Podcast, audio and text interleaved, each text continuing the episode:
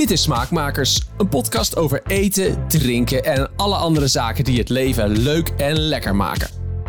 In elke aflevering bespreken podcastmakers Zegert van der Linden en kookboekenschrijfster Suzanne Arets de culinaire hoogte- en dieptepunten uit hun leven. Soms met z'n tweeën, soms met een gast, maar altijd met een gezonde dosis zelfspot. Het is weer een maandagochtend. Wij zitten hier aan tafel. Naast mij, zoals altijd, Suzanne Arets. Present. Present, gezellig. En eh, tegenover ons, eh, en dat vind ik erg leuk, eh, jaren geleden, echt, het is al vier jaar geleden of zo. Ja, het was, Vier jaar al? Ja, begin van de coronacrisis hebben we Ja, elkaar oh, een keer gesproken. Ja, klopt. Netjes via Zoom en zo. Ja. Over La Cucina Povera. Toen hebben we het ook over de uitspraak gehad. Weet ik nog. Toen Dat weet je- ik niet. Ja, jij bent toen Oké. heel, heel keurig gecorrigeerd. Oh ja. Ehm, maar vandaag gaan we het hebben over all things pasta. Alle vragen gaan we proberen te stellen. Want Ja, tegenover leuk. ons, Master of Pasta, Sarah Pozzo. Ja, nou, leuk dat ik hier mag zijn. Welkom. Buongiorno. Ja. buongiorno. Wat fijn dat je er bent. Ja. Voordat we gaan praten over, eh, over pasta, hebben wij eerst ons eh roemruchte potje. Hier zitten vragen in Mhm. over eten en drinken. En eh, we gaan er allemaal eentje uitprikken, eentje beantwoorden. En dan gaan we naar de pasta toe. daarna. Ja, dus ik wil zeggen, goed. ja, aan jou eh, als Ja, eerste met de eer. eer. Ja, zeker. Even kijken. Ik vind het spannend. Ja, dit is, dit is voor ons ook altijd. altijd spannend, Ja. hoor. Ja, precies. Oh, dat is wel leuk. Wat is je favoriete gerecht van je moeder of grootmoeder? Oeh. Een favoriete gerecht van een moeder of een grootmoeder. Ehm, mijn, eh, dan ga ik dan toch terug naar mijn nonna. Niet dat mijn moeder niet goed kan koken, want dat kan ze echt wel goed. Maar ehm, mijn eh, Italiaanse nonna die maakte ook pasta met een bepaalde ragout. En dat vind ik zo lekker. Eh, zeker een ragout die dan echt al de tijd heeft genomen om lekker op te staan, te pruttelen op, op een, een kachel of een stoof. Nou, dat vind ik zo heerlijk. Ja. Dus als ik daaraan denk, dan is het voor mij echt wel super comfortfood. Ja. En dat is altijd op basis van vlees. Het is wel op basis van vlees, ja. Ja. ja, Was dat, is dat dan in dit geval een bijzonder soort of is het de, de ragout zoals we die kennen? Het is met rundvlees Ja. eh, gemaakt, inderdaad. Dus het lijkt wel een beetje op eh, eh, het, het echte stoofvlees. Hè? Ook wat in de Belgische keuken ook is en ook in de Nederlandse keuken trouwens. Eh, dus het lijkt er inderdaad wel op, alleen er zit wel pasta bij. Dus Ja. dat maakt het dan net wat lekkerder voor mij dan. Ja, Ja. Klinkt goed. En jij? ja. Ja, hè, dan moet ik het even gaan graven. Want we hebben dit, dit soort vragen komen natuurlijk wel vaker voorbij. Ik heb het hier heel vaak gehad over gembervlees en zo, dat soort dingen. Ehm, nou, mag ik, mag, ik, mag ik ook even mijn broer noemen? Vooruit. Familiegerecht. Familiegerecht. Mijn broer die heeft een fantastische stoofschotel. Daar zitten volgens mij zes soorten bonen in of zo. Eh lima-bonen, eh kidneybonen, van alles en nog wat zit daarin. Eh, en eh, twee, drie verschillende soorten worstjes. Hij, hij, hij is altijd aan het improviseren. Hij heeft altijd wat er in huis is. Nou, dan gooit hij weer een paar blikken bonen erbij of zo. En dan de worstjes met tomatensaus en heel veel rozemarijn en andere kruiden. Dat is echt dat is fantastisch. En eh, elke, ja, hij, ik, ik zeg altijd, geef me nou eens een keer het recept, Pieter. Maar op de een of andere manier Lukt komt het het er dan weer niet van of zo. Ik weet niet wat het is. En hij zegt ook altijd, ja, ik improviseer maar wat of zo. Maar Ja. het is toch altijd weer een beetje hetzelfde. En die is zo lekker. Altijd lekker. Bonenschotel en dan met worstjes. Ook weer een Echt soort fantastisch. stoof eigenlijk. Ja, maar ja, dat is toch altijd een Ja, beetje comfortfood. Knuffel voor je buik. Ja, Ja, dat is voor je waar. buik. Ja, Toch? heerlijk. Ja. Ja. Het is bij mij idem dito. Het eh zoervlees van eh, onze familie. Het Limburgs, eh ja. het Limburgs zoervlees. Friet erbij, mayonaise klaar. Ja, ook Niks lekker. aan doen. Ja, Ja. ook lekker. Altijd. Ja, precies. Ja. Ja. Eens. Ik eh, ga gaat voor de volgende. volgende. ja. Helemaal onderin. Daar zitten de beste. Daar zitten vast de beste. Dat, dat dacht ik ook, ja. Oh, nou, hij is wel toepasselijk. Ja. Eh, je favoriete barbecue gerecht? Oh, ik ga, ik ga gewoon even achterover zitten. Volgens mij eh, hoef ik niet zoveel toe te voegen We hebben komende hier tijd. twee Eh, barbecue vrouwen aan tafel. Love it. Nou en of. Heb jij een ja. favoriet? Eh, ik eerst, ehm, wat ik heel lekker vind, heb ik laatst nu gemaakt. Eh, we gaan nog wel even terug naar de pasta. Ja, heel bizar. Maar ehm, er was een, eh, een, eh, ook weer een stoofgerecht. Gerookt vlees dan echt wel. Die je dan echt wel fijn gaat eh nou, poelen. Hè? Ja. En ehm, dat wordt dan eigenlijk de basis of de vulling van een uh, casoncelli, van een ravioli. En eh, ja, dus dan heb je toch een beetje die smoky smaak van de pasta. Een beetje gerookte olijfolie erbij. En dan... eh, ja. Gerookte olijfolie. Ja, dat is lekker. Ja, dat is heel Oh. lekker. Ja, ja, dat gooi je overal op, toch? Ik Nou, zie zeggen. allemaal helemaal enthousiast worden. Wij snappen dit. Ja, ja, nee, maar ik Eh, snap ja. dit ook. Ik, zonder het geproefd te hebben, snap ik dat ook. Ja. Ja. Hij is leeg, maar Ja. hij heeft hier ook altijd op de Oh, joh. plank gestaan. Ja, dat is echt lekker. Ja, dus, eh, dus dat zeg maar. Ja, maar alles van de barbecue is Ja. extra lekker. Ja. We hebben gisteren toevallig, niet toevallig, eh Peking eend van de barbecue gemaakt. Oeh la la. Wat echt heel erg lekker is. Maar ik vind mijn Korean burgers van de barbecue Oh. toch wel... Ja, als je het nou hebt over makkelijk, snel, maar wel net Mhm. even anders. En dan op een eh, gestoomde bouw. Ja, dat klinkt allemaal Nice. lekker, ja. Had je die niet op je boekpresentatie ook? Klopt. Ja, hè? Die Ja. heb ik op. En Oh. ik, eh, maak, ik maak dan thuis nog wel eens lekker, ja. eh, fried rice erbij. Ook van de Oh, barbecue in de wok. Ja, Eh, Nice. met een beetje kimchi. En, oh, ja. ik kan niet wachten tot de barbecue Ja. weer aan eh, Nou, ja, het eh, begint mooi kan. weer te worden, dus... eh, Ja, ik doe het in de winter heel veel. Alleen het komt Ja. nu even eh, niet. Ja. Je moet wel een barbecue deksel omhoog kunnen tillen. Op de Oh barbecue. ja, wordt even lastig, ja. Ehm, maar het begin is er weer. Het begin is er. Fijn, ja, het Ja. klinkt heerlijk. En ik? Ja, wat? ja, ja, ja, Wat, ja, nee, wat ik heb er maken eentje hoor. Ik, heb er wel eentje. Ehm, zelf je broodjes bakken. Ja. Dat is mijn grote Wat, sorry? aanrader. Zelf je broodjes bakken. Oh, ik bak heel vaak ja. Oh, ja, platbroodjes. Ja. eh, heel simpel recept. Yoghurt, zelfrijzend bakmeel. eh, Zout, een beetje olie. eh, Om, eh, en dan dat dan gewoon uitrollen. En dat bakken op je, op je grill. Gewoon. Ja. Zoveel lekkerder dan een stokbroodje uit de oven. Ik bedoel, het is heel makkelijk. Iedereen gooit stokbroodjes en dan stokbroodjes met saté. Super lekker, vast heel leuk. Maar Ja. bak je eigen broodjes op de barbecue. fijn om te zeggen dat je zegt van bak je eigen brood. Want ik heb ook al een paar masterclasses dan voor barbecue gegeven. En dan doe ik vaak zo'n rondje van nou, eh, wat is jouw eh, level van koken? Wat doe je graag? En dan heb ik een paar keer ook mensen gehad die zeiden van ja, mijn brood bakken op de barbecue. Ik denk van oh, tof. Maar uiteindelijk gaat het om afbakbrood. ja. Ik oh, oh, oké. is al, is, ja, is allicht lekkerder dan in de oven. Hè? Ik bedoel, dat, Absoluut, geloof dat ik is stap gelijk. vooruit, absoluut. Precies. Stap 1 en dan stap 2 maak even je eigen deegje. Ja. En rol dat even uit. En ga dat dan op je barbecue. Ja. En het allerlekkerste is dan het nog even, eh, even op de barbecue. En dan de, de, de kant die dan dus nog niet aan het grillen is... eventjes besmeren met een beetje olie met kruiden. Of la. boter met kruiden. Of ghee of zo. En dan wordt alles lekker. Oh ja, dus dat. Ja. Let's go. Ik ben blij dat ik wat toe heb kunnen voegen aan het barbecue, eh, barbecue gesprek hier. Gaan we het nog een keertje over hebben. Dat lijkt me een goed idee. Je mag de rest van je leven nog maar één taart eten. Welke eet je? Ja, ben benieuwd, Suzanne. Jij als niet per se zoete kou? Nee, nou, toevallig, ook weer niet toevallig, staat er voor de tweede week achter elkaar een eh, ricotta cake taartachtig eh, ding op het aanrecht uit de bakatlas van Rutger. Ja. Dat is echt een topding.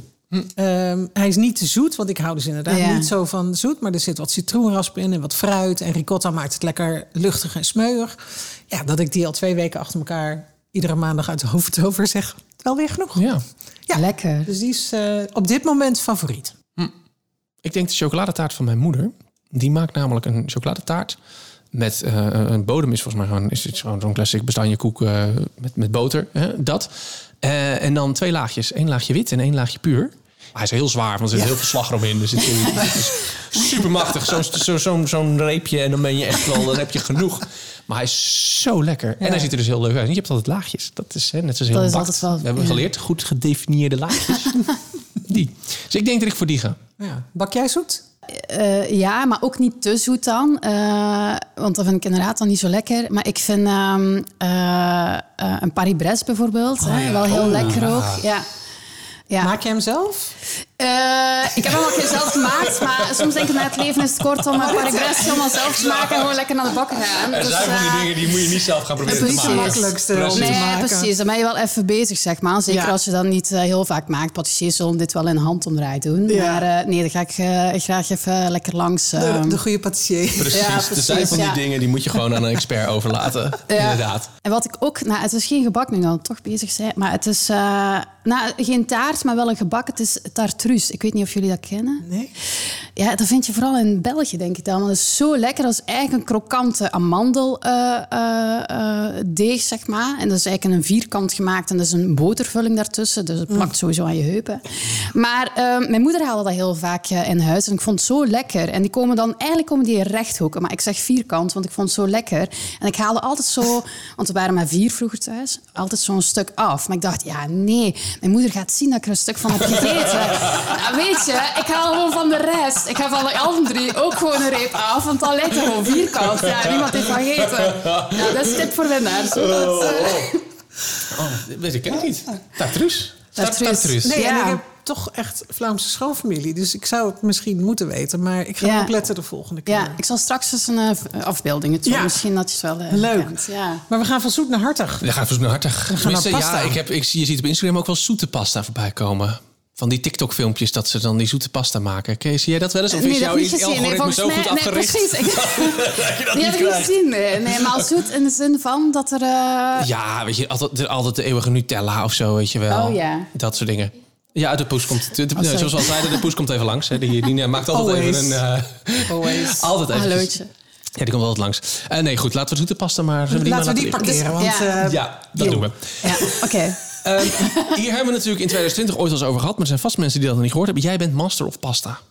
Dat is een officiële titel, heb je me toen verteld. Ja, het Dat is, eh, ja, precies. Maar het is wel zo dat het, eh, het is wel een kers op de taart, omdat het wel aangeeft dat je wel iets van pasta kent. Maar eh, het is wel zo dat je dan... Kijk, ik leer al... ik wil zeggen mijn hele leven, want dat klinkt zo raar. Maar ik leer wel al altijd eh, verder over pasta. En daarom is het heel belangrijk om door Italië te blijven reizen. Dat doe ik echt al jaren, zeg maar, sinds dat ik eh, heel klein ben. Ehm, en eh, daarom is het echt wel belangrijk om heel veel van die kennis op te nemen. Want daardoor leer je nog veel meer dan bijvoorbeeld een opleiding of whatever. Ehm, en er is zoveel te vinden ook. En jullie weten vast wel dat elke stad een bepaalde pasta heeft. Maar het gaat soms tot op eh, familieniveau. Dus elke familie heeft zelfs bepaalde pasta. Dus je kan eigenlijk heel Italië gewoon blijven leren en blijven ontdekken wat er allemaal is. Ja, want even voor de mensen die jou niet kennen, ehm, die horen jou over Italië met een Belgische tongval. Ja, ja, dat is een beetje een gekke combi inderdaad. Eh, ja. Jouw familie komt eh, uit Italië, maar jij bent opgegroeid in België. ja, klopt Ja. inderdaad. Ja, mijn familie komt uit eh, Veneto, eh, meer bepaald Venetië, Padova. Ehm, dus het eh, Noorden van mooie Italië. Ja. inderdaad. En eh, je leert daar dan ook al dat eh, natuurlijk de Noord-Italiaanse keuken al helemaal anders is dan die van de Midden en Ja. het Zuiden, noem maar op. Ehm, en eh, nou ja, je kan eigenlijk blijven leren over Italië natuurlijk, Mhm. geschiedenis en cultuur en de eetcultuur. Ja. Ja, want als we terugkijken naar de geschiedenis... en m- met name ook even, want jij zei al... iedere streek, maar iedere familie Ja. heeft zijn eigen pasta. Klopt. Pasta is wel een dingetje in Italië. Het is zeker een dingetje, ja, ja. Maar het is ook wel... Sowieso, Italië is een heel jong land. Hè. Het is een soort van lappendeken, lijkt altijd uit. eh, waar dan eh, bepaalde regio's of, of, of eh, koninkrijken samen zijn gevat. En ja, dan had je Italië. Maar het is ook zo dat pasta, zeg maar... daardoor ook zijn regionale verschillen ook heeft. Ja. En het mooie vind ik wel aan Italië is... hoewel het een heel jong land is...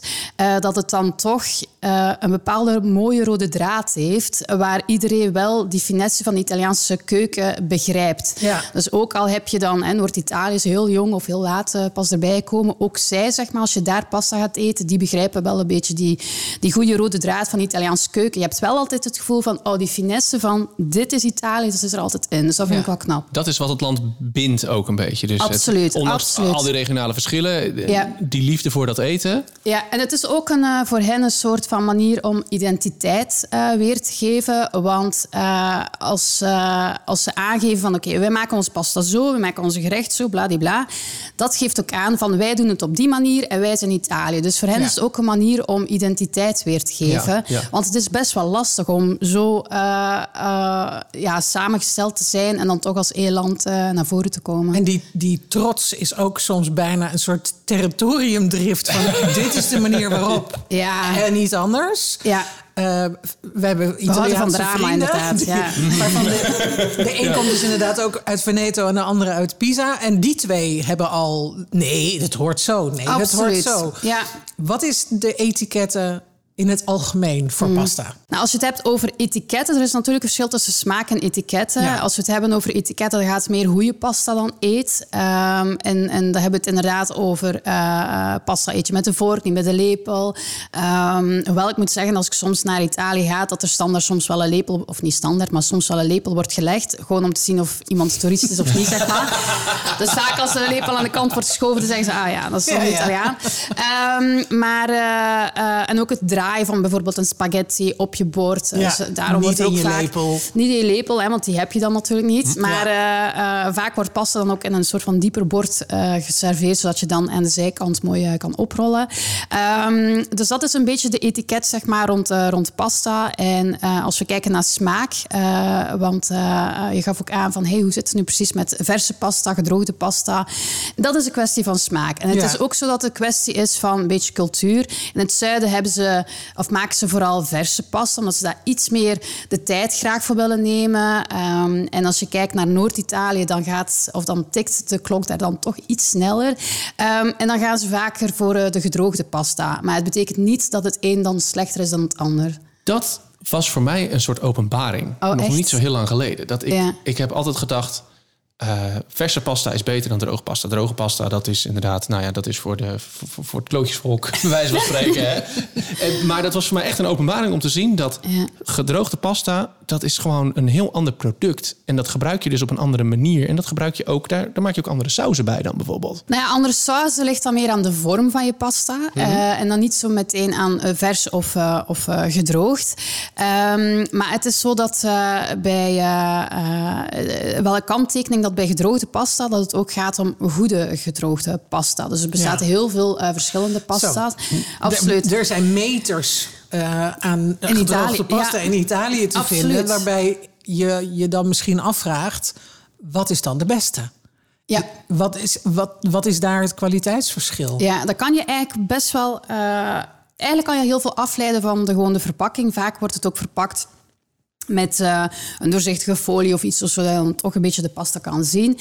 Ehm, op basis van kleur kan je eigenlijk ook zien of een pasta bijvoorbeeld snel is gedroogd of niet snel is gedroogd. Ehm, als, je, nou ja, als je pasta hebt en fabrikanten gaan die drogen, eh, natuurlijk hoe sneller dat de pasta gedroogd is en op de markt wordt gebracht, hoe sneller ze kunnen cashen. Precies. Dus wat gaan ze dan doen? Ze gaan de pasta gaan drogen op, eh, onder een lamp. Een hele sterke lamp met heel veel warmte.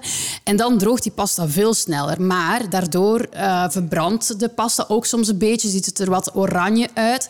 Omdat het veel te snel is gedroogd. En de eh, oppervlakte van je pasta is ook best wel ehm, Glad? Glad, een beetje inderdaad. glad, toch? Ja, precies. Ehm, dus die poreusheid is belangrijk net om de pastasaus vast te kunnen houden. Ja. En eh, als je dan pasta hebt die wel de tijd heeft gehad om heel langzaam mooi te kunnen drogen, eh, die gaat dan misschien ook wat duurder zijn in de supermarkt, hè, als we het over supermarkt of whatever hebben. Ehm, maar die gaat dan ook eh, een poreuze oppervlakte hebben. En eh, die gaat ook niet zo oranje uitzien. Ehm, die gaat, eh, dus aan de kleur zeg maar, kan je ook al zien of het dan snel of langzaam is gedroogd. Of, ja. En als je het dan hebt over merken die in Nederland te koop zijn, wat zijn dan de pasta's die jij wel met een goed hart in de supermarkt haalt? Ehm, nou, er is wel een verschil tussen delicatessenzaak en supermarkt Ja. natuurlijk. Maar als je kijkt naar supermarkt, dan eh, weet ik dat eh, bijvoorbeeld eh, de Checo hebben ze. Ja. Die wordt dan niet heel lang gedroogd, maar wel veel langer dan de andere pastasoorten die je soms vindt. Ja. Dus die is gewoon prima om, Die om heb te ik altijd in huis. Ja. Ja. Ja, dus die is gewoon prima. Ja. absoluut. Ja. En als je daar ook al het verschil wil zien met de goedkope pasta en dan bijvoorbeeld die van de Checo of een ander merk, dan kan je ook al zien of voelen aan de oppervlakte dat die wel wat ruwer is. Ja. ja. Maar dan is dus ook in dit geval weer goedkoop is duurkoop. Ja, nou, ik ik ben soms eh, bang dat mensen soms gewend raken aan de slechte smaak van iets. Als je heel vaak dan bijvoorbeeld de verkeerde pasta koopt, dan denk je van ja, dit is gewoon eh, hoe het moet smaken. Het is hetzelfde met olijfolie. Als Ja. eh, mensen heel vaak eh goedkopere olijfolie kopen, ook bijvoorbeeld in de supermarkt, dan worden ze echt gewend aan die smaak. En als zij dan bijvoorbeeld een, eh, een eh, wijn of een um, olijfolie tasting zouden doen, dan is het ook heel vaak zo dat zij dan de slechtere eruit halen Ja, ja, ja, als dit is hoe het moet smaken. Dus dat is wel een beetje eh, waar je wel op moet letten. En inderdaad, kijk dan naar die goede tips van dit is de pasta wat het moet zijn. En en ik ga ook heel vaak naar Italië om echt die smaken te proeven. Dan proef je al het verschil en dan ga je niet zo snel dan niet meer dan eh, daarna ja, die andere kopen. Ja. Nog heel even naar dat maakproces. De pasta mallen, waar dan Ja. die gedroogde pasta doorheen... Ge, ja, die, die, wordt, die wordt niet uitgerold zoals die verse pasta. Die wordt er doorheen Perst. Ja, die zijn ook belangrijk. Hoe- Die moeten van koper zijn. Ja, van koper. eh nou, er zijn verschillende eh, eh, dingetjes daarbij. Als een fabrikant bijvoorbeeld pasta maakt, en dan hebben we het zeker over pasta zoals een fusilli of nou, een bepaalde vorm, zeg maar. Dan moet het door geperst worden door een mal, een koperen mal die een bepaalde vorm heeft. Ehm, en het zorgt ervoor dat het koper, zeg maar, en ook de lage temperatuur en het langzaam, dus al die factoren, ervoor zorgt dat die pasta ook poreus is aan de oppervlakte. Dus die gaat toch een beetje die, die, die ruwe eh, oppervlakte hebben. En dat wil je dan natuurlijk. Ja. Dus die koperen mallen inderdaad, dat geeft ook al een indicatie van een eh, kwalitatieve pasta. Staat dat op een verpakking? Nee, toch? Nee, volgens mij staat het niet op de verpakking. Nee. Eh, het enige wat je wel aan de verpakking soms kan zien is eh, hoe lang het gedroogd is. Oh ja? Dat staat er soms wel op, inderdaad. Ehm, en nou ja, dat, dat zal een indicatie kunnen zijn, ja. Wat ik me afvroeg, en een heleboel mensen met ons, ehm, is... Nou ja, goed, we hebben het al gehad over het feit dat de Italianen vrij ehm, strikt zijn in wat ze goed en niet goed vinden. ja. Ehm, dat geldt ook voor welke saus bij welke pasta. Zijn daar regels voor? Ja, nou, de algemene regel is een beetje van dat eh, eh, pasta, dunne pasta, slierten bijvoorbeeld, en spaghetti, ehm, dat die ideaal zijn voor hele dunne saus, omdat die dit heel mooi kunnen meepakken.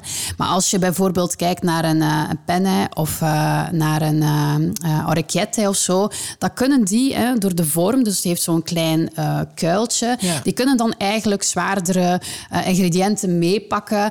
Ehm, en dan kan je bijvoorbeeld een mooie ragout bij serveren of bepaalde groenten. Ehm, dus elke vorm past wel een beetje bij een, eh, een saus, inderdaad. Ja. Ehm, maar het is ook een beetje cultuurgebonden, want ik krijg die vraag ook wel best vaak. En dan wordt ook vaak dan het voorbeeld gegeven van de, de, de ragout, de bolognese Ja. saus.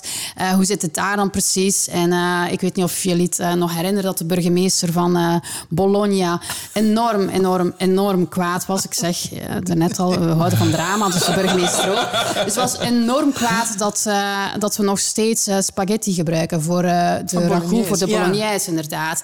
Maar en daar zit ook natuurlijk een stukje cultuur in die zin van dat hij ook eh, een schande vond dat de spaghetti eh, eigenlijk uit Napels komt. En dus Napels was vroeger een beetje het armere eh, regio. En daar maken ze pasta met water, dus niet met ei. En Emilia-Romagna, Bologna, die regio, is het, dat is een beetje de buik Ja. van Italië, gebruiken ze of maken ze pasta met ei. Dus dat is rijke pasta. Dus hij vond het een schande dat zijn rijke, mooie bolognese ragout eh, gecombineerd werd met een arme pasta vanuit Napels. Ja. Dus dat was eh, voor hem ook al een soort van eh, eh, steek of een dolk door zijn hart. Dus dat bedoel ik ook van, het is soms heel erg cultuurgebonden. Ja. Er zit En veel meer. Er zit veel meer Waar dan mag- alleen maar... eh, Waar mag ragout dan wel mee worden geserveerd? Want je mag het eigenlijk ook niet eens bolognese saus noemen. Hè? Dat, dat bestaat niet. Nee, maar het is ook een beetje een soort van... Ze hebben ook Franse invloeden gehad. Vandaar ook de bolognese, ragout, zeg maar. Dus Ja. komt daar ook een beetje van. Die is dan zoveel jaar geleden een beetje in Bologna dan ook terechtgekomen. Ehm, en eh, eh, je serveert het dan met eh, bredere pasta. Ja. Dus daar gaat het eigenlijk om een pappardelle of ja, gewoon een brede pasta lint. Alleen maar omdat die ragout dan wat bonter is, hè, grotere stukjes in zitten. En die kunnen dan mooi met die, Die bredere... mee. Daar heb je weer, als ja. het te dun is, dan kan er niemand op die wagon mee en dan gaat het niet. Dus, eh, Juist. Mysterie Ja. Opgelost. Dus, ja, ragout met, met tagliatelle of zoiets. ja, ja, precies. Iets breder Iets inderdaad. breders, ja. ja. Nou, dan hebben we Koens vraag in ieder geval bij deze weer, eh, weer opgelost. Nou ja, een, een, andere, een andere Koen, denk ik. Ik weet niet of dat dezelfde Nee, is. het zijn dezelfde. Het zijn dezelfde. Ja. Oh, die kwam er nog een vraag. Die Ja. vond ik heel leuk namelijk. En, maar je hebt misschien al een klein beetje beantwoord. Maar eh, die, die vroeg, hoe komt het nou dat er zoveel verschillende soorten pasta zijn? Ja, nou, het is eh, wat ik daarnet ook aangaf. Soms zijn dingen ook wel cultuurgebonden. Ehm, en eh, door de geschiedenis, door, door wat eh, mensen in die stad of die regio echt deden, daardoor zijn ook bepaalde pastavormen ontstaan. En die pastavormen die zijn ook mooi, omdat die dan ook, eh, nou, wat ik ook zeg, bepaalde ingrediënten of sauzen meepakken. En vaak eh, zijn het ook sauzen of ingrediënten die dan ook net in die regio te vinden zijn. Dus daarom wordt dan net een pastavorm gemaakt die dan net Dat weer beter ja, precies. Ja, ja, Want. Italianen gaan heel erg kijken van wat zit er in de buurt, wat ga ik daarvan maken. En dan, eh, dus ze zitten heel erg te fourageren, zeg maar, in eh, wat er gewoon te vinden is. Ja. Wat heel lokaal maakt. En dus ook die pastavorm er mooi bij past. En dat is ook meteen een haakje voor mij om even aan te geven, want dan zie ik echt heel vaak ook dat eh, pasta en eh, saus apart worden geserveerd. Dus ik zie, zie het al even... Ja, sorry, ik ben, ik ben, sinds kort, ik ben tegenwoordig of- schuldig hier aan. Want mijn, mijn, mijn kinderen, vooral mijn jongste, die eet gewoon geen pasta met saus. Die wil gewoon droge pasta eten. Dus Maar dat is prima. Dat is prima. Nee, nee, absoluut. Dus ik nee, ben, ik, ben, ik ben tegenwoordig een beetje schuldig hier aan af en toe. Dat eh, voelt nee, soms wat pijnlijk absoluut hoor. uitzonderingen. Ja. Ik ben echt qua Italiaan.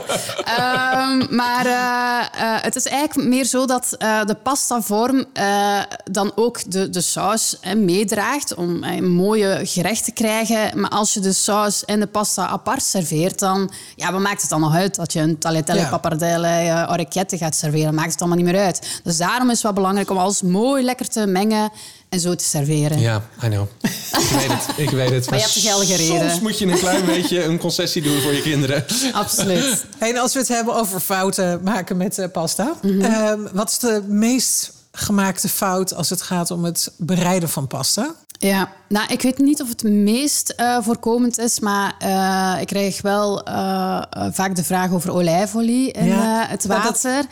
Ja, Francis kwam met de vraag: mag er überhaupt olie bij je pasta water? Eh, en Ja. hoe zit het met zout? En weet je, er zijn Oh natuurlijk een aantal ja. vragen die beginnen bij de basis van het koken van ja absoluut. pasta. Ja, ja. Nou, eh, ten eerste mag eh, olijfolie in het water. Het mag, alles mag. Maar is het, Heeft is- zin. heeft het zin? Nee, helemaal Nee. niet. Ehm, als we teruggaan naar, naar schoolbanken zelfs, dan weten we eigenlijk uit fysica les dat olie en water, dat zijn geen vrienden van elkaar. Hoe graag ook willen, het lukt niet. Ehm, dus als je olijfolie toevoegt aan je water, dan blijft het gewoon bovendrijven en Ja, that's it. het Dus echt niks. zonde, het doet helemaal niks. Nee. Nee, want het idee, de, de reden dat mensen dit doen, is dat ze Ja. dan het idee hebben dat de pasta minder aan elkaar plakt. Ja, Toch? maar Dat- olie drijft dan inderdaad eh, Ja. op de oppervlakte. Het gaat niet mengen. Eh, kijk, als de olie echt zou mengen in het water, dan zou, zou het echt nog een reden hebben. Maar Ja, het blijft het gewoon op de niks. oppervlakte. Het doet helemaal niks. Je giet het water af. En dan dat is de olie ook weg. Ja. Precies, Zit je met ja. je goede olijfolie. Ja, nou precies. Het is echt zonde. Dus lekker op een, eh, een eh, salade caprese of zo eh, doen is veel beter. Ehm, maar het is wel belangrijk om daarom ook wel voldoende water te gebruiken. Er zijn ook bepaalde regels in Italië van nou, zoveel water moet je gebruiken. Ik- dat is wel een kanttekening, want je hoeft echt geen liters water te gebruiken voor wat pasta te koken. Het moet gewoon voldoende zijn. En dan merk je gelijk, zeg maar, of het dan net goed is. Want de pasta moet... Kijk, als het te weinig water is, dan gaan ze allemaal aan elkaar Want het geeft ook zetmeel af natuurlijk. En dan heb je één mooie pasta gebak die eruit komt. Dus dat is ook niet de bedoeling. Ehm, en het is ook belangrijk als je de pasta dan in het water giet... dat je ook met een vork even los eh, schudt. Eh, dat het ook niet aan de bodem of zo blijft eh, kleven. Maar dan is het eigenlijk voldoende. En het zout dat toe wordt gevoegd... ehm, ik weet dat ik toen klein was, dat ik dat ook vroeg aan mijn vader van waarom voeg je nu zout toe? En toen zei hij ook van het is echt wel om smaak toe te voegen. En Ja. dat is echt wel de enige reden. Je hebt ook van die theorieën die zeggen van ehm, als je zoveel eh, zout toevoegt aan het water, dan eh, gaat eh, de kooktijd versneld worden. Nou, dat is wetenschappelijk een keertje onderzocht, want iedereen had het erover. Maar dan zou je echt zoveel zout moeten toevoegen, hè, dat eigenlijk niet meer te eten is Nee. om die kooktijd Ja, te kunnen versnellen. Dus dat is onzin. Maar het geeft dus echt wel zout of smaak aan de pasta. Dat is de enige reden. En daarom kan je ook soms kiezen om zout in jouw pasta deeg zelf te doen als je de pasta Mm. maakt. Ik doe het niet. Ik doe het dan vaker in mijn water zelf. Maar je zou pasta bijvoorbeeld ook kunnen koken in bouillon. Ja, wat meteen precies. een mooie smaak Ja. geeft eh, aan, eh, aan je pasta. Ja, Ja. ja. nou, het grappige is dus, eh, mijn vrouw kookte pas een keertje en die kookte de pasta en die doet, deed, deed gewoon zout in het water, maar niet zoveel als ik altijd doe. Mm. En ik proefde echt, toen dacht ik, dit is de reden dat ik er zoveel Ja. zout in doe. Ja, de klopt. pasta was gewoon een beetje, ja, was gewoon een beetje flauw. Ja, het Beetje is echt flats dan inderdaad. Ja, precies. Ik Ja. heb, eh, eh, soms word ik gevraagd voor eh, Italiaanse re- restaurants te recenseren. En dan proef ik eigenlijk soms wel meteen of er een Italiaan of niet in Ja? de keuken staat. Ja, omdat heel vaak dan het zout wordt vergeten. En wat je ook zegt, dan pas proef je het verschil. Als je het een keertje het niet verschil. doet. Ja. Ja. Ja, Nou, en het pastawater, hè, dat is Ja. Je goud de- voor Ja. als je pasta sauzen aan het maken bent. Klopt, ja. Eh, hoe kan dat? Nou, wat ik daarnet ook zei, pasta die geeft ook wat zetmeel af. En dan Ja. is nog een verschil als je zelf verse pasta gaat koken. Heb je natuurlijk veel meer zetmeel, hè, want er hangt nog wat bloem aan. Als je gedroogde pasta dan in het water kookt, dan nou, dus gewoon droog, er hangt niet zoveel bloem aan. Maar die geeft ook wel zetmeel af.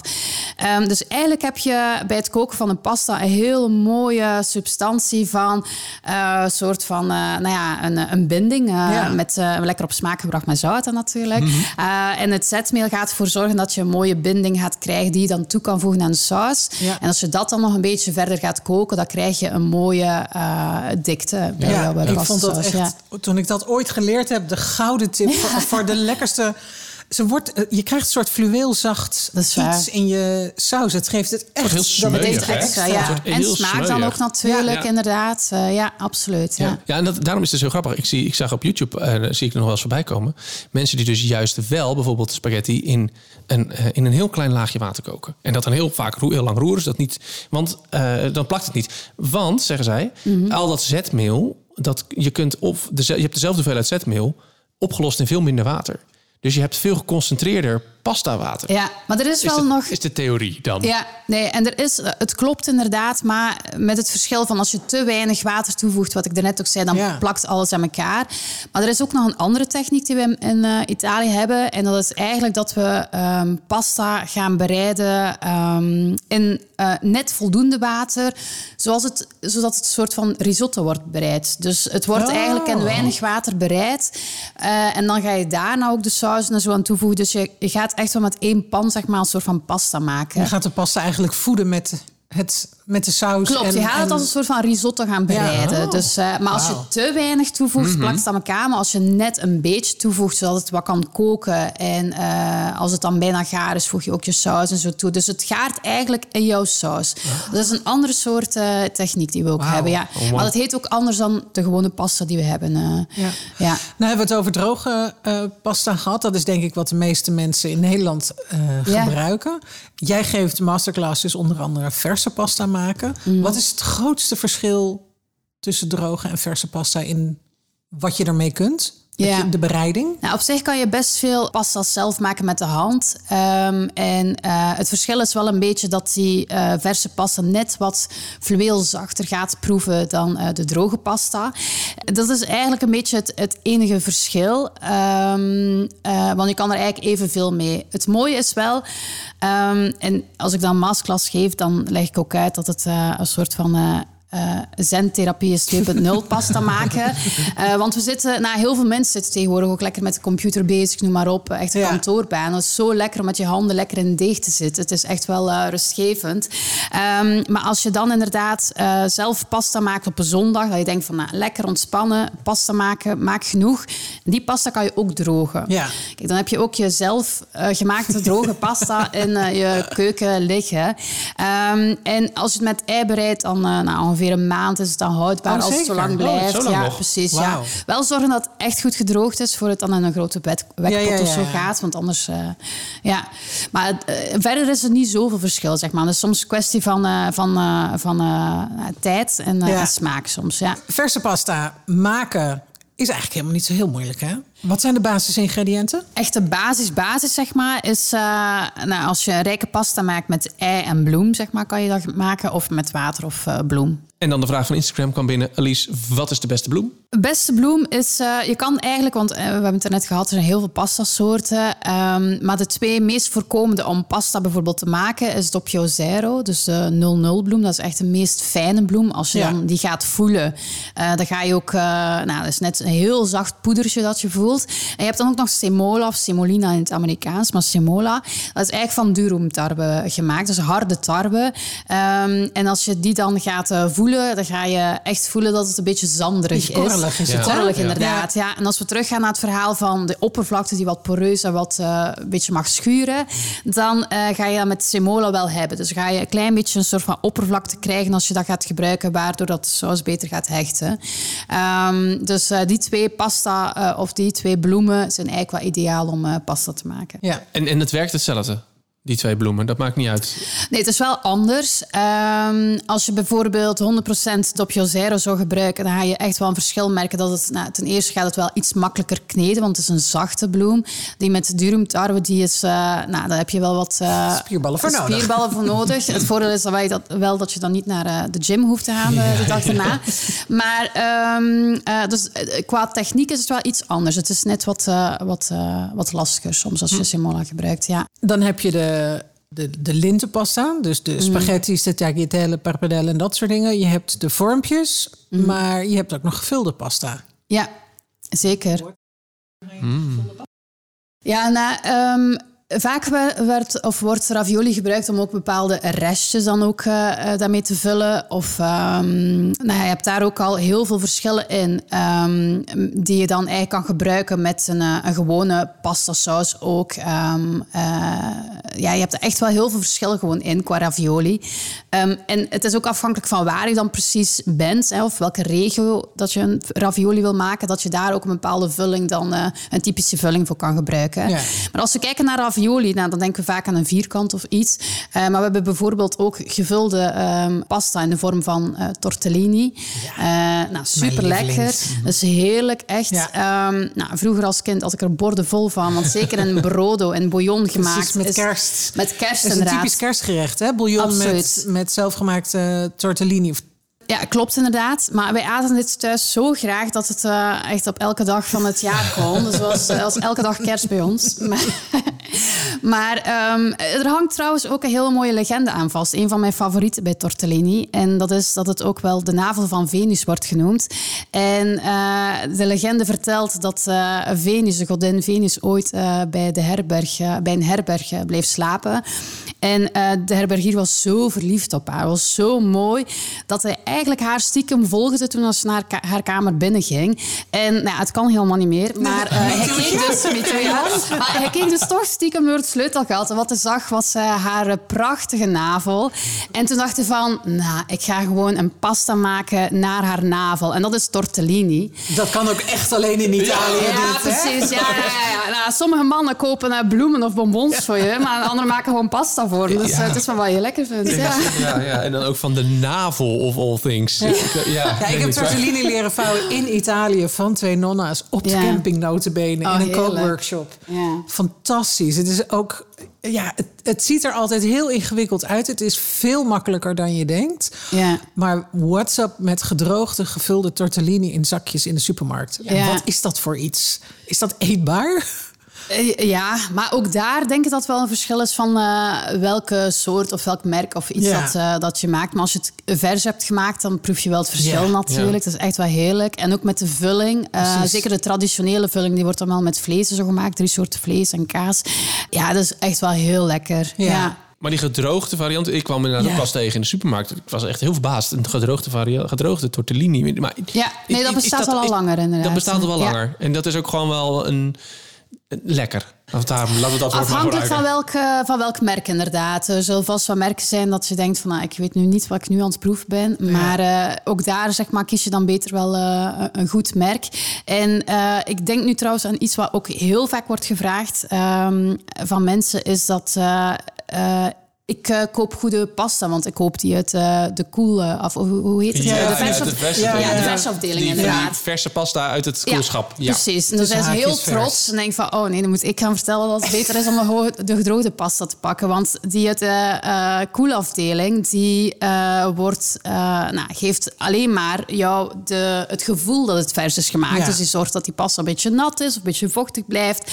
Ehm, en dan denk jij van, ja, daar betaal ik gerust wat meer voor, want het is dan toch verse pasta. Maar dat is helemaal niet zo. En de heel makkelijke rekensom is gewoon om te kijken tot hoe lang het houdbaar is.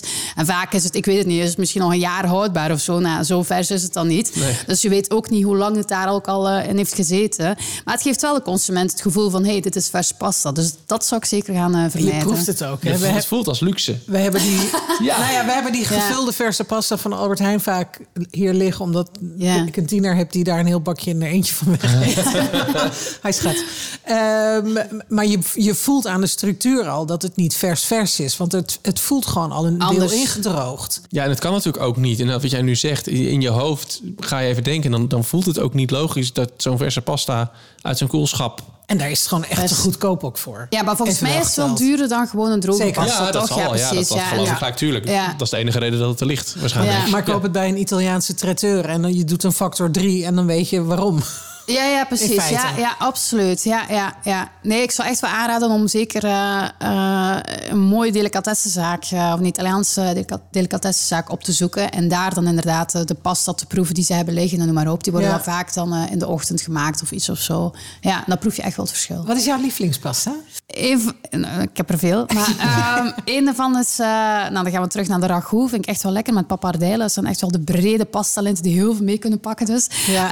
Ehm, dus dat is voor mij mij wel eh, echt wel comfortfood. Dus dat is toch wel, eh, als ik het ergens zie staan, toch wel iets wat ik denk van, nou, daar heb ik weer zin in. Ja. Ja. En die wat- van jou? Die van Ja. mij, oh, ik heb fases. Eh, wij, wij zitten nog steeds een beetje in onze steeds- carbonara die is nog- fase. Ja, Oh, nog steeds, ja. Ja, Ja. onze slager heeft eh heerlijk. quinchale. Oh, ja. Eh, en die snijdt het op dit moment heel lief voor mij al in eh, reepjes. Oh, zodat lekker. ik dat niet zelf hoef te doen. Ja. En dat vind ik toch wel echt heel erg lekker. Ja. En nou zag ik bij eh Vanja van der Leden, die heeft Italo Pop uitgebracht. Ja. Eh, die had een, eh, en ik weet nooit of ik het goed uitspreek, Amatri Amatriciane, Amatriciana, gemaakt. ja. Maar ook met quinchale en wijn erin. En die staat voor deze week op het menu. Want dat vond ik zo lekker klinken. Ja, ja maar is echt wel een mooie klassieker inderdaad. Ja. Ehm, eh, zoals heel eh, veel klassiekers zijn. De carbonara, wat Ja. je net aangaf, die echt wel heel lekker is. Ehm, en zeker bij de carbonara, het is volgens mij trouwens eh, het gerecht dat het meest fout wordt eh, gemaakt ook.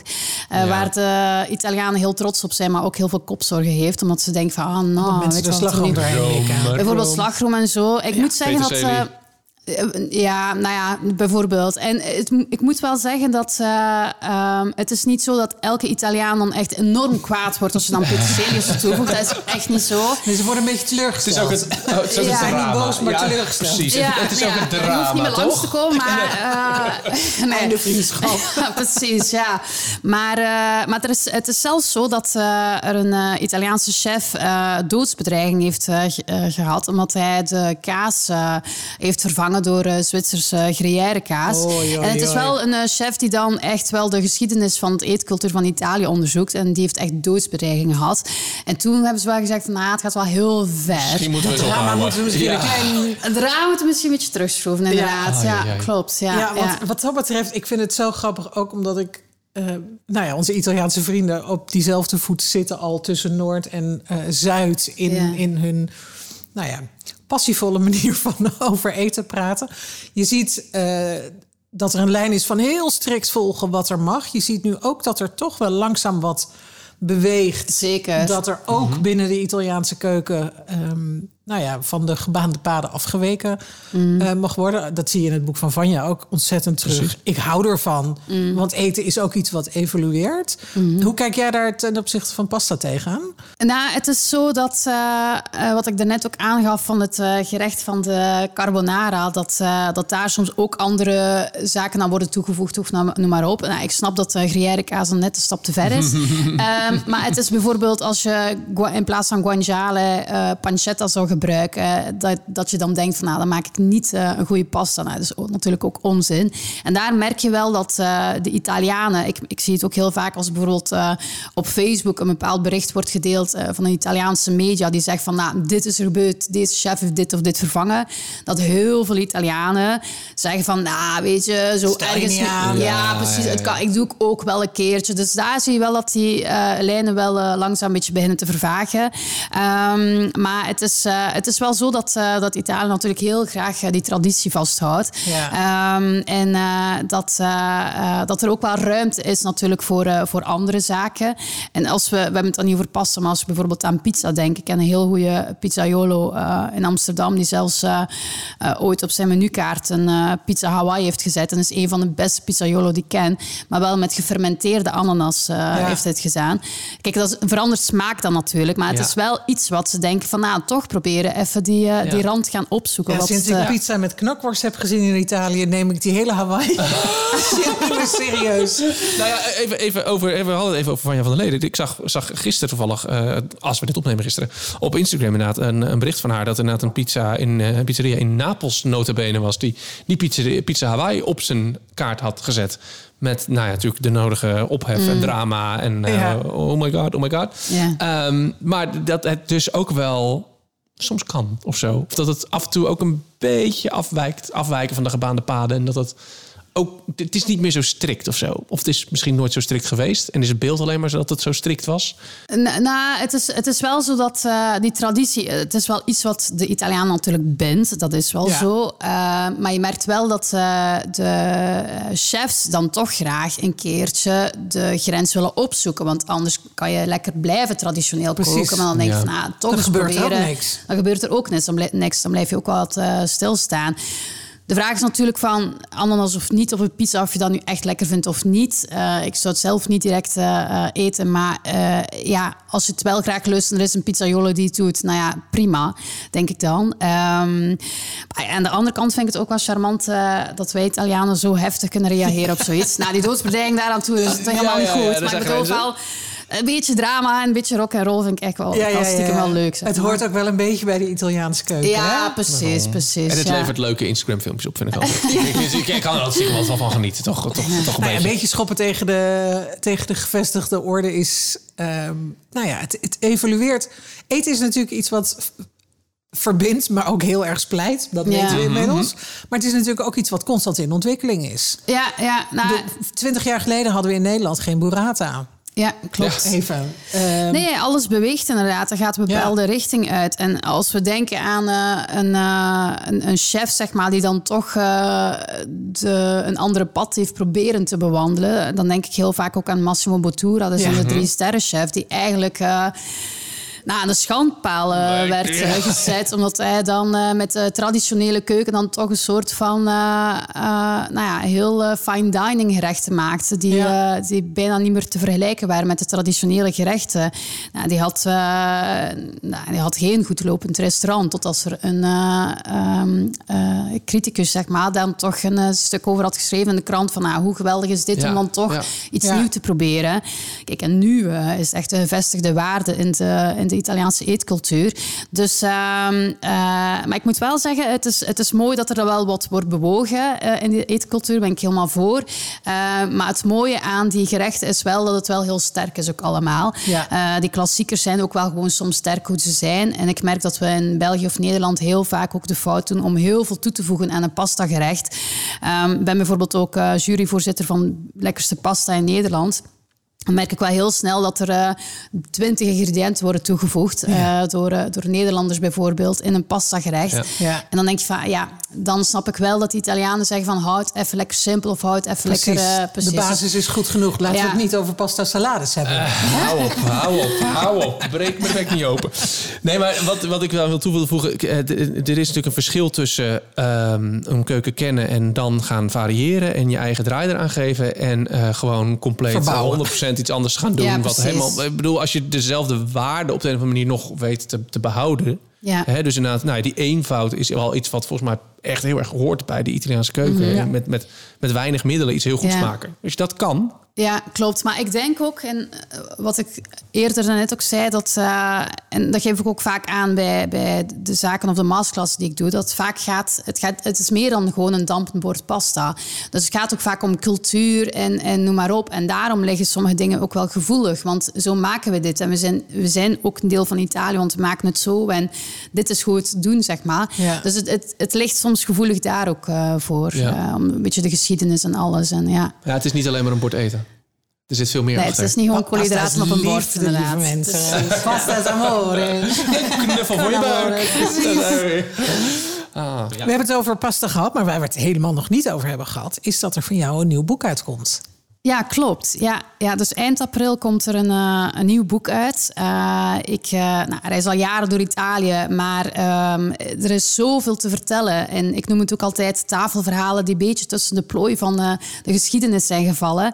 En die vertel ik dan ook in het boek, met allemaal ja. gerechten, waar het vandaan komt, noem maar op. Um, en het is een sfeervol boek die dan ook wel bijvoorbeeld over Pavarotti vertelt en hoe hij dan jou in de keuken meetrekte. Ja. En daar dan zijn favoriete favoriete pasta maakte, over Parma, noem maar op. Uh, ja, dus wow. uh, dat komt er binnenkort aan. Dus ja. reisverhalen, recepten, geschiedenis. Ja, precies. Vanuit jouw optiek reizend door Italië. Wat een ja. droombaan. Eind april zei je, hè? Oh. Ja, klopt. Mooi, ik ben zes maand jarig. Ja. Lekker.